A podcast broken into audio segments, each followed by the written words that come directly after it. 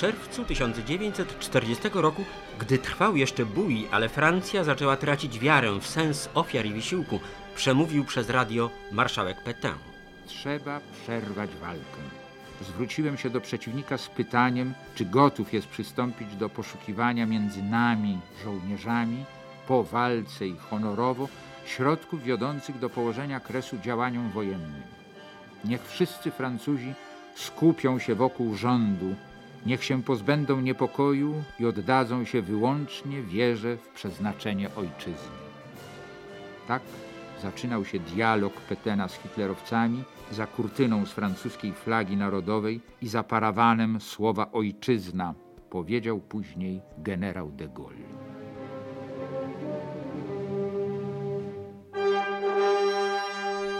W naszej galerii postaci, ale też cieni i demonów XX wieku, ten, który od początku popierał i do końca trwał u boku Petena, Pierre Laval.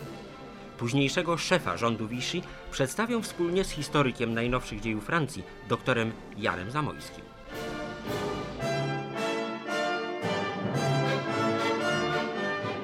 Będziemy mówili o postaci no co najmniej kontrowersyjnej. Jerzy Eisler w swej biografii Petena uważa Lawala za wcielonego diabła u boku marszałka. Pan z kolei w swojej książce Francja na rozdrożu twierdzi, że Francuzi powinni postawić mu pomnik. Czy na pewno tak? No to stwierdzenie moje było takie dosyć prowokacyjne, prawda? Jest w nim dużo ironii. Chciałem powiedzieć, że Francuzi mają bardzo wiele do zawdzięczenia Lewalowi. Po pierwsze, że stworzył im pewną wygodę, że tak powiem, w okresie okupacji, biorąc na siebie wszystko to, co najgorsze, najbrudniejsze, jeśli idzie o współpracę z okupantem a później zapłacił swoją osobą za to wszystko, uwalniając jak gdyby moralnie, stając się, jak to Francuzi nazywają, bouc émissaire, kozłem ofiarnym, na którego można było zwalić wszystkie winy, wszystkie grzechy, wszystkie świństwa, wszystko to, co było złe. Przecież Henri Amourou w swojej wielotomowej książce o życiu we Francji w czasie okupacji, jeden z tomów nazwał 40 millions de pétainistes, 40 milionów petenistów. Tak wyglądała mniej więcej Francja, dlatego że mówiąc o Lewalu, przede wszystkim myślimy o tej roli, jaką on spełnił w okresie okupacji, ale Lewal przecież nie był postacią, która pojawiła się na scenie francuskiej w tym czasie znikąd. To był człowiek, który od 14 roku funkcjonował na scenie francuskiej. Był tym, który właściwie Petena intronizował w lipcu 40 roku, kiedy parlament ówczesny, zresztą pochodzący, co jest powiedzmy ironia historii, jeszcze z frontu ludowego, dał pełnię władzy Petenowi, taką jak mówiono wówczas nie miał nigdy żaden z królów Francji. I Petain w jakiejś mierze przerzucił na Lawala to wszystko, co było najbardziej trudne w tym okresie. I trzeba powiedzieć sobie, że Laval z pełną świadomością przejął na siebie tę rolę, jaka mu przypadła rozumiejąc ją bardzo po swojemu naturalnie, jako określoną służbę wobec Francji. Mówił nawet kiedyś, że jeżeli przegra, to zostanie rozstrzelany, więc przewidywał, co się z nim stanie. Wziął na siebie tę brudną robotę współpracy z Niemcami. Dlaczego ją przejął na siebie? Tutaj to wynika być może z cech jego charakteru. Powiedzmy, jego, jego osobowość to była osobowość niezwykle praktycznego człowieka, realisty. To był Auvergnat. Pochodził z chłopskiej rodziny z Auverni. Jego rodzice prowadzili oberże i taką niewielką firmę transportową konną, kiedy to był podstawowy środek transportu w tym czasie, koniec XIX wieku. Od najmłodszych lat był przyzwyczajony do ciężkiej pracy. Zdobywał swoje wykształcenie prawnicze właściwie cały czas pracując. Zaczął swoją karierę prawniczą w dzielnicach robotniczych paryskich i również i karierę swoją polityczną zaczął jako socjalista, działacz SFIO, później odszedł od niej, potem stał się niezależnym. Więc był człowiekiem bardzo blisko stojącym życia. On mówił, ja trzymam się ziemi, trzymam się rzeczy realnych, trzymam się rzeczy praktycznych. I dla niego okupacja, w ogóle polityka to było szereg faktów, z którymi trzeba się liczyć i z którymi trzeba w jakiś sposób się uporać, w taki czy inny sposób. On wierzył, że on jest tym, który potrafi ze wszystkim się uporać. Przypomnijmy jeszcze, że w 1914 roku, więc roku wybuchu I wojny światowej, 31-letni Pierre Laval zaczynał właśnie swoją wielką karierę polityczną. Po raz pierwszy został wybrany do parlamentu do, na kilka do... miesięcy przed wybuchem wojny.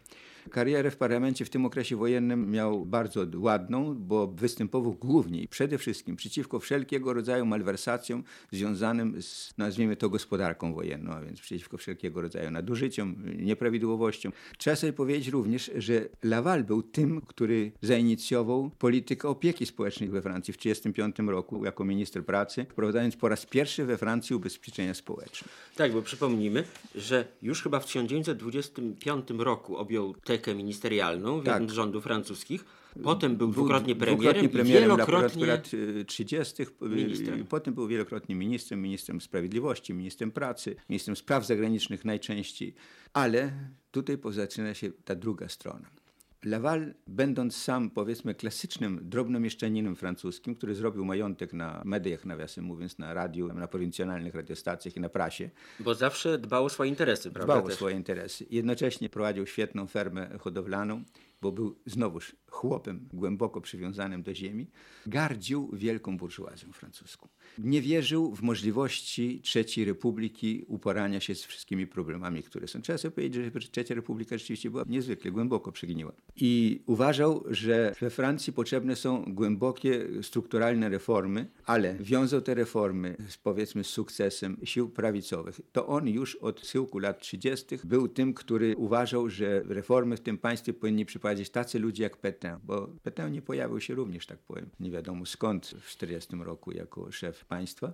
No, był bohaterem I wojny światowej. Tak, ale potem był wysłany, co jest charakterystyczne, do Hiszpanii jako ambasador Francji po zwycięstwie Franco i stamtąd został przywołany, że tak powiem, do Bordeaux, ażeby przekazać mu władzę w 40 roku po klęsce Francji, po już rozpoczęciu wstępnych rokowań z Niemcami na temat rozejmu, na temat kapitulacji. Ale tutaj bardzo ważna uwaga. W 1936 roku zwycięstwo Frontu Ludowego w wyborach powszechnych i od tego momentu Laval On przestał pełnić... Ale jest senatorem. Jest senatorem. Jest tylko, tak. senatorem. Do 40 roku jest senatorem. On nie uczestniczy w oficjalnych strukturach władzy, ale jest jedną z najbardziej, że tak powiem, widocznych postaci polityki francuskiej. I on, opowiadam jeszcze raz, był tym, który był głęboko związany z tymi procesami przygotowującymi zmiany we Francji w kierunku prawicowym, w kierunku rządów o ile bardziej autorytarnych, bo front ludowy okazał się niezdolny. Nie rozwiązał wielu podstawowych problemów, które wtedy narastały we Francji i klęska Francji w 40 roku była przez bardzo wielu ludzi, między innymi przez Lavala, traktowana jako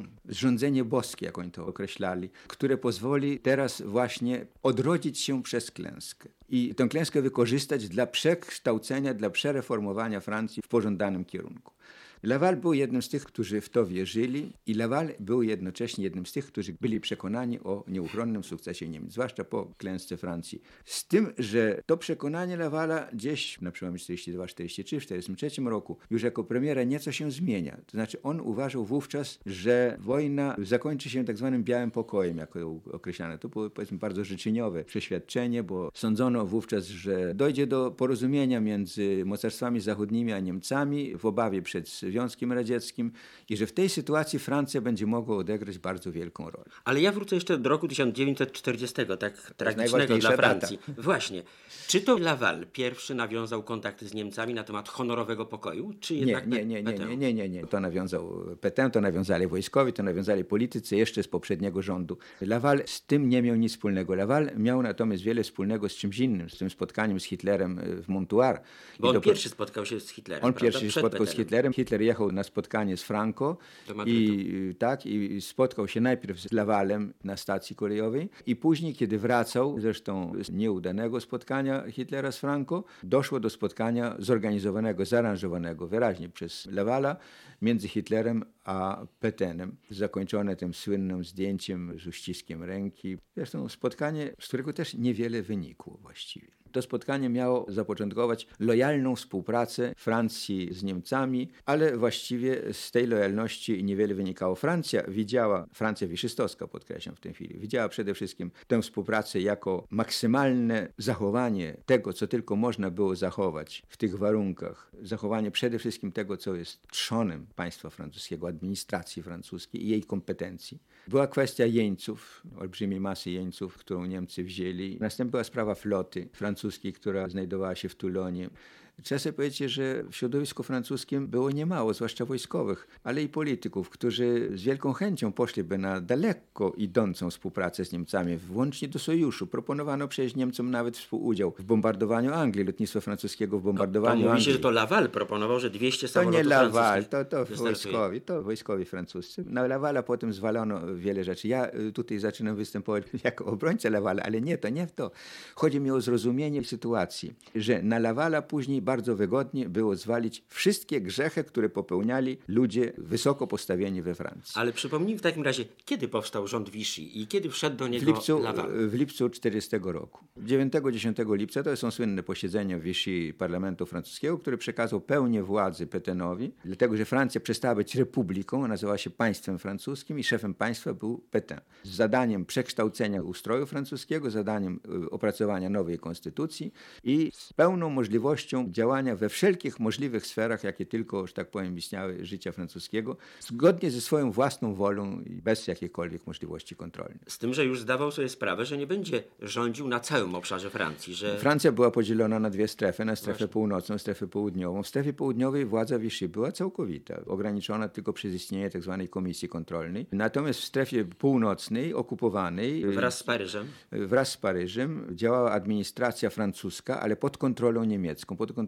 komendantur niemieckich. Również Niemcy anektowali kilka departamentów wschodnich z Alzacji i Lotaryngii, które przyłączono do Rzeszy, ale okupacja we Francji to było coś zupełnie innego aniżeli okupacja w Polsce. Zachowanie się Niemców na tamtym terenie było czymś zupełnie innym aniżeli zachowanie Niemców u nas. I sytuacja gospodarcza i, i ofiary ludzkie były zupełnie inne, ale ta sytuacja swego rodzaju komfortowej okupacji stwarzała cały szereg problemów moralnych, bardzo trudnych problemów moralnych. Administracja francuska nadal funkcjonowała. Podlegała rządowi Vichy. Ministrowie Vichy jednak, ażeby udać się do strefy okupowanej, musieli uzyskiwać przepustki od władz niemieckich na to, żeby mogli wizytować swoje agendy w strefie północnej. no było to upokarzające. Było to upokarzające, ale z tym sobie Francuzi jakoś radzili. Ale wróćmy do Lavala. Czy on pełnił funkcje jakieś ministerialne już w pierwszym rządzie Vichy? Tak, tak. Tytularnie wicepremier faktycznie był szefem rządu i szefem administracji. I Lavala oskarżano o to, że on w tej współpracy z Niemcami idzie za daleko. Doszło właśnie wskutek tego do określonego zamachu stanu 13 grudnia 1940 roku, kiedy Petain usunął Lavala od władzy i właściwie na półtora roku Laval znika z Vichy. Czy to miało związek z tym uroczystym przeniesieniem zwłok Orlątka syna Napoleona do Paryża? To tak? powiedzmy sobie pośrednio, wielka uroczystość, która miała w jakiejś mierze nadać taką wielką oprawę tej współpracy francusko-niemieckiej.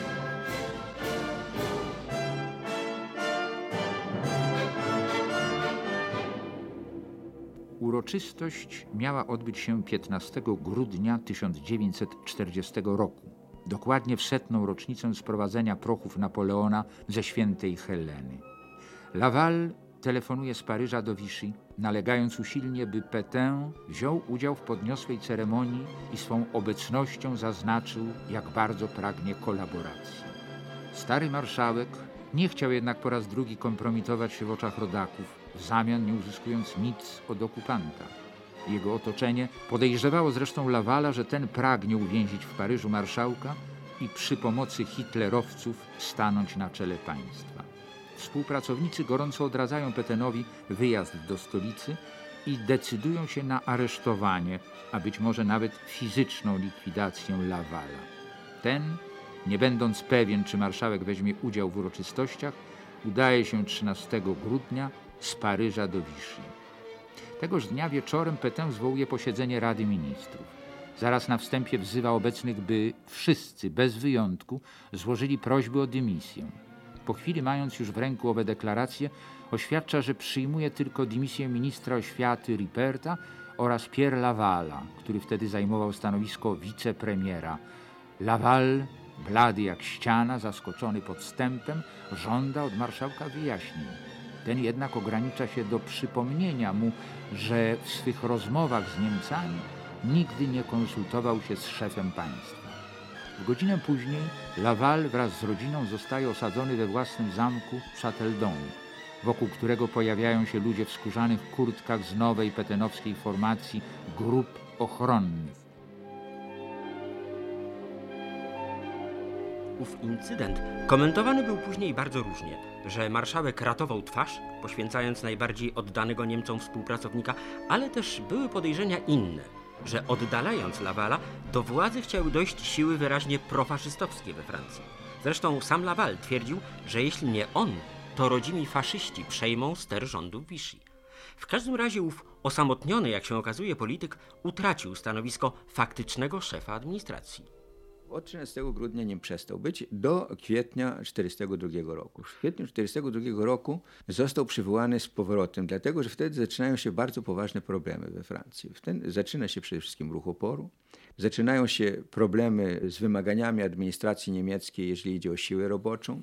Zaczynają się problemy z kwestią żydowską. To znaczy eksterminacja Żydów, wywożenie Żydów, tak? Y, To znaczy Francji. w ogóle sprawa, że tak powiem, zastosowania pełnego prawodawstwa antyżydowskiego. Prawodawstwo antyżydowskie ustanowiły władze Vichy jeszcze w 1940 roku i ustawy z 1940-1941 roku francuskie były nawet w określeniu, kto jest Żydem, ostrzejsze od ustaw norymberskich. Pierwsza operacja przeciwko Żydom była w 1941 roku w maju w Paryżu, w której schwytano pewną ilość Żydów i wywieziono do obozów, ale to była jeszcze na niewielką skalę. Natomiast w 1942 roku rozpoczęła się masowa akcja związana już z operacją Endlösung przeprowadzaną przez Niemców na terenie całej Europy. I tutaj trzeba wrócić sobie do pewnych kwestii, tak powiem, filozofii politycznej Lawala. Laval, jak mówiłem, był człowiekiem, który wychodząc z realizmu, tego bardzo niskiego, płaskiego realizmu politycznego uważał, Niemcy są realnością, a więc trzeba się z nimi liczyć i trzeba robić wszystko, ażeby nie mieć ich przeciwko sobie, a maksymalnie wykorzystać dla celów zgodnych z interesami Francji. Żydzi są, część z nich to są obywatele francuscy, część z nich nie są obywatelami francuskimi, a więc jeśli Niemcy chcą wywieźć, to trzeba przede wszystkim sprzedać im, że tak powiem, nie obywateli francuskich. Wykonać to trzeba własnymi rękami, dlatego że to jest bardzo specyficzna filozofia, że tak powiem. Suwerenność francuska wymaga, żeby na terenie Francji wszystko było robione rękami francuskimi, a nie obcymi rękami. A To więc pogląd Lawala. nie tylko. To była ta filozofia, którą Laval podzielał, ale która była filozofią szerszą. Laval doprowadza do umowy między delegatem RSH, to znaczy kierownictwa policyjnego Rzeszy, Obergiem, który przedtem był w Polsce, i szefem policji francuskiej, że operacja antyżydowska będzie przeprowadzona rękami francuskimi, to jest raz, a po drugie, że we wszystkich kwestiach działalności przeciwko Niemcom, działalności podziemnej na terenie Francji, o ile nie była to bezpośrednio wymierzona w wojsko niemieckie lub żołnierzy niemieckich, kompetencje przejmuje administracja francuska, więc policyjna, sądowa i wszelka inna. To na podstawie tej umowy bardzo wiele ludzi straciło życie zresztą. Było sądzonych przez sądy francuskie, utworzone specjalne trybunały. Laval był tym, który sygnował wszystkie te rzeczy, godził się z tym. Uważał, że w interesie francuskim jest, jeżeli można ochronić obywateli francuskich, sprzedając obcokrajowców Żydów. I wskutek tego straciło życie, to różne są oceny, 85, 90, 100 tysięcy Żydów zebranych, wywiezionych, dostarczonych Niemcom przez policję francuską w operacjach w 1942-1943 roku. Ale kiedy zmieniła się sytuacja w 1943 roku, kiedy we Włoszech upadł reżim Mussoliniego, gotowy już dekret pozbawiający obywatelstwa francuskiego cały szereg Żydów, ale nie tylko Żydów, które uzyskali oni w latach międzywojennych, Laval w tym czasie już nie podpisał tego. To było w sierpniu 1943 roku, już tego dekretu nie podpisał. I w jakiejś mierze, w jakiejś mierze naturalnie uratowało to życie pewnej liczbie Żydów znajdujących się na terenie Francji Południowej w tym czasie. Laval, chyba jedyny z Francuzów, który rozmawiał z Hitlerem, nie uległ jego urokowi. Rozmawiał z nim jak równy z równym. Nigdy nie uważał się za zwyciężonego, uważał się za partnera. Mówił Hitlerowi bardzo ostre rzeczy, na przykład jeżeli pan chce zbudować Europę, to trzeba ją zacząć budować od podstaw, a nie tylko podbijając. Więc był człowiekiem, który miał dużo odwagi cywilnej. Ale w domyśle, że ta nowa Europa to powinna być taka niemiecko-francuska Jest, częściowo. Tak, tak? jest, tak. To przede wszystkim naturalnie pod hegemonią niemiecką, no ale z określonymi dużymi swobodami ze strony francuskiej, dużym udziałem ze strony francuskiej, przede wszystkim udziałem gospodarczym. W tym czasie wiele firm francuskich uczestniczy bardzo żywo w tworzeniu tej wielkiej Grossraumwirtschaft, prawda, niemieckiej. Podjęto były olbrzymie plany budowy wielkich autostrad, wielkich linii kolejowych wschód-zachód. Francuzi korzystają zresztą, zwłaszcza przemysł chemiczny, z licencji niemieckich. No, ze swojej strony przemysł francuski dostarcza Niemcom olbrzymie ilości silników, na przykład do Ju-52 to chyba większość silników było budowanych we Francji. Produkowano olbrzymie ilość amunicji, sprzęt optyczny, wieże czołgowe, olbrzymie ilości samochodów ciężarowych. Berlier przecież produkował przede wszystkim dla Niemców, nie licząc całej masy innych elementów wyposażenia do plecaków włącznie. Prawda? To są fakty mniej znane, ale Francuzi już po wojnie się nimi nie szczycili nie, specjalnie, nie, prawda? to starano się bardzo głęboko zapomnieć o tym, prawda? I dlatego powiadam, stracono Lawala, zwalając na niego wszystkie winy. W ten sposób uzyskano jak gdyby odpuszczenie grzechów. I to jest ta kwestia, dlaczego mówiłem, że powinien myśleć. On jak najbardziej uosabiał postawę dużej części Francuzów. Iść maksymalnie na współpracę z Niemcami, maksymalnie z niej korzystać, jak najwygodniej doczekać do zwycięstwa. Z tym, że on miał odwagę artykułować to. Mówić Tylko on miał wprost, odwagę artykułować to wprost i wyciągać konsekwencje i mało tego, być gotów ponieść za to konsekwencje, czego inni nie chcieli. Wielu z nich na przykład robiło w ten sposób, że starało się powiedzmy o jakieś represje pod sam koniec okupacji, ażeby potem wyjść czystym, no, represjonowanym. Aha, tak. Ale żeby prawda o rządach Vichy była pełna, trzeba też wspomnieć, że przecież, co brzmi może w tej chwili paradoksalnie, bo przez lata Tak. mówiliśmy jednoznacznie źle o rządach Vichy, kolaborantach i tak dalej, że jednak y, ów rząd miał szereg sukcesów na polu gospodarczym, społecznym. Niewątpliwie tak. Francja stanęła wtedy przed problemem niesłychanie trudnym, to znaczy jak żyć w warunkach okupacji, kiedy była pozbawiona swojego zagłębia północnego głównego dostarczyciela węgla, a węgiel był źródłem energii, z dwoma milionami prawie ludzi w niewoli, zdolnych do pracy przede wszystkim, z nałożoną kontrybucją bardzo ciężką. Sobie powiedzieć, że poradzono sobie z tym w wielu dziedzinach bardzo dobrze, na przykład w dziedzinie rolniczej. Uruchomiono ziemie, które jeszcze od czasów wojen napoleońskich leżały odłogiem. Utworzono tak zwaną korporację rolną, która w jakiejś mierze w zmienionej postaci istnieje do dzisiejszego dnia. Narzucając strukturę upraw rolnych, wtedy właśnie wprowadzono na szeroką skalę uprawy roślin oleistych we Francji. Podjęto bardzo poważne kroki w kierunku budowy tam energetycznych, ponieważ brakowało energii, zaczęto budować elektrownie wodne. Nawiasem mówiąc, wielu Polaków pracowało w tak zwanych kompaniach roboczych w tym czasie przy budowie tych elektrowni wodnych, jak również i w gospodarce leśnej. I tutaj uzyskano dosyć duże rezultaty. Posłuchajmy może, jak erę Vichy ocenia historyk angielski Paul Johnson. Pomimo cechujących Francję Vichy sprzeczności, zaprzaństw i chaosu, była ona okresem eksperymentu i ryzyka. Dobroczynne tego skutki odczuło m.in. młodsze pokolenie dynamicznych rolników francuskich, będących pierwowzorem owych farmerów nowego typu, którym tak znakomicie powiodło się dzięki EWG. Po raz pierwszy wieśniacy zainteresowali się modernizacją i wydajnością. Po raz pierwszy od ponad 100 lat liczba urodzeń zaczęła istotnie wzrastać. Vichy było zafascynowane młodzieżą. Przejęło ten szał od Niemiec. Wydawało na kształcenie więcej niż trzecia republika. Udało się spopularyzować sport we Francji, zwłaszcza piłkę nożną. Celem było odmłodzenie Francji. Jak powiedział petenowski minister informacji Paul Morion, dzięki nam Francja kempingów, sportu, potańcówek, podróży i zbiorowych wędrówek zmiecie Francję aperitifów, palarni tytoniu, partyjnych zjazdów i długiego trawienia. Przepowiednia ta w znacznym stopniu się spełniła.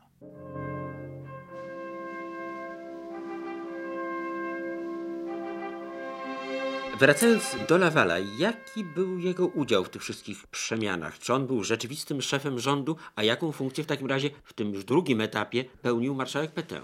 W tym drugim etapie właściwie rola Petena była bardziej figuralna, bardziej on był, że tak powiem, tylko kimś, kto firmuje tę politykę, a rzeczywistą politykę w kraju prowadził Laval.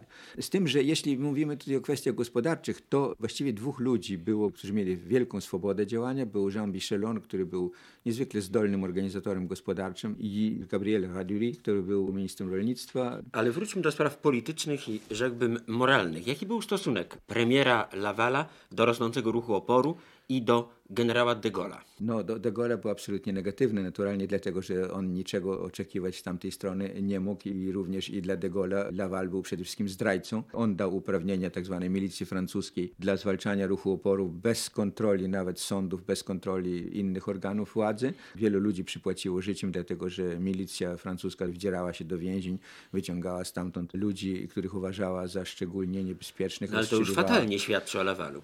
No, tutaj właśnie zaczyna się ta strona najbardziej ciemna, że tak powiem, okresu lewalowskiego i polityki lewalowskiej. Dlatego, że wtedy już była sprawa kto kogo. Wtedy już Lawal nie mógł liczyć na żadne względy. I wiadomo było, że walka jest już właściwie o przeżycie tylko, bo to już trudno było I mówić. wiadomo było, że Niemcy prędzej czy później I wiadomo było, że. Niemcy wojnę przegrają. Laval ciągle jednak wierzył, że uda się mu w jakiś sposób dogadać z Amerykanami i stworzyć coś w rodzaju rządu przejściowego, który byłby do zaakceptowania przez anglosasów i zabezpieczył pokojowe przekazanie władzy. Aha, czyli odchodził od sojuszu z Niemcami i zwracał się w To stronę znaczy, aliantów. owszem, pewne rozmowy były najprzeróżniejsze, takie nieoficjalne prowadzone, ale ze strony anglosaskiej żadnej chęci współpracy. Laval dla nich już był spalony całkowicie. Tak, ten jego pragmatyzm już w tym wypadku był niepotrzebny. Więc jego nikomu. pragmatyzm skończył się w 1943 roku. Jak doszło do jego końca, dramatycznego końca jego kariery? Koniec kariery był rzeczywiście dramatyczny. On wyjechał z Niemcami, był w Sigmaringen, tam gdzie skupiono wszystkie organa władzy francuskiej, ewakuowane, jeśli tak wyrażę, przez Niemców.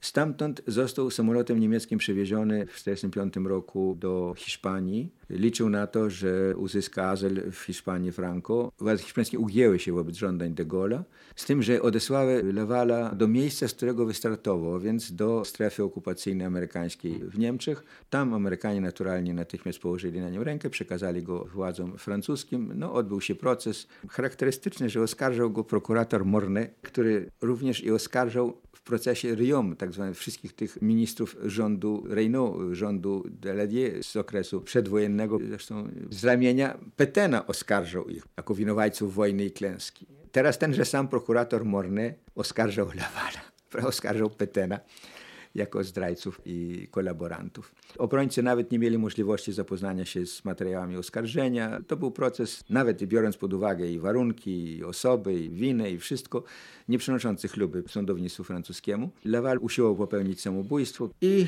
stracono go w forcie Montrouge, zanosząc go na noszach, usadzono na krześle i rozstrzelano go właściwie na krześle.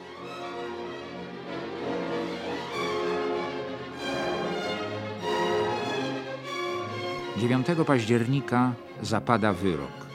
Kara śmierci przez rozstrzelanie. De Gaulle odmawia skorzystania z prawa łaski. W nocy z 14 na 15 października były premier próbuje popełnić samobójstwo, rozgryzając ampułkę Ciancali, z którą się nie rozstawał od czterech lat. Dawka trucizny była zbyt słaba i Laval w straszliwych męczarniach doczekał świtu. Mornay i Bouchardon, znajdując go w takim stanie, zażądali, by za wszelką cenę przywrócić więźnia do życia. Po 17 płukaniach żołądka Pierre Laval odzyskał wreszcie przytomność po to, by zgodnie z wyrokiem sądu mógł zaraz stanąć przed plutonem egzekucyjnym. Założył, jak zwykle, biały krawat, bo tylko takie nosił od wczesnej młodości, szyję obwiązał trójkolorową chustą, a na chwilę przed komendą ognia zdążył jeszcze zawołać: Niech żyje Francja.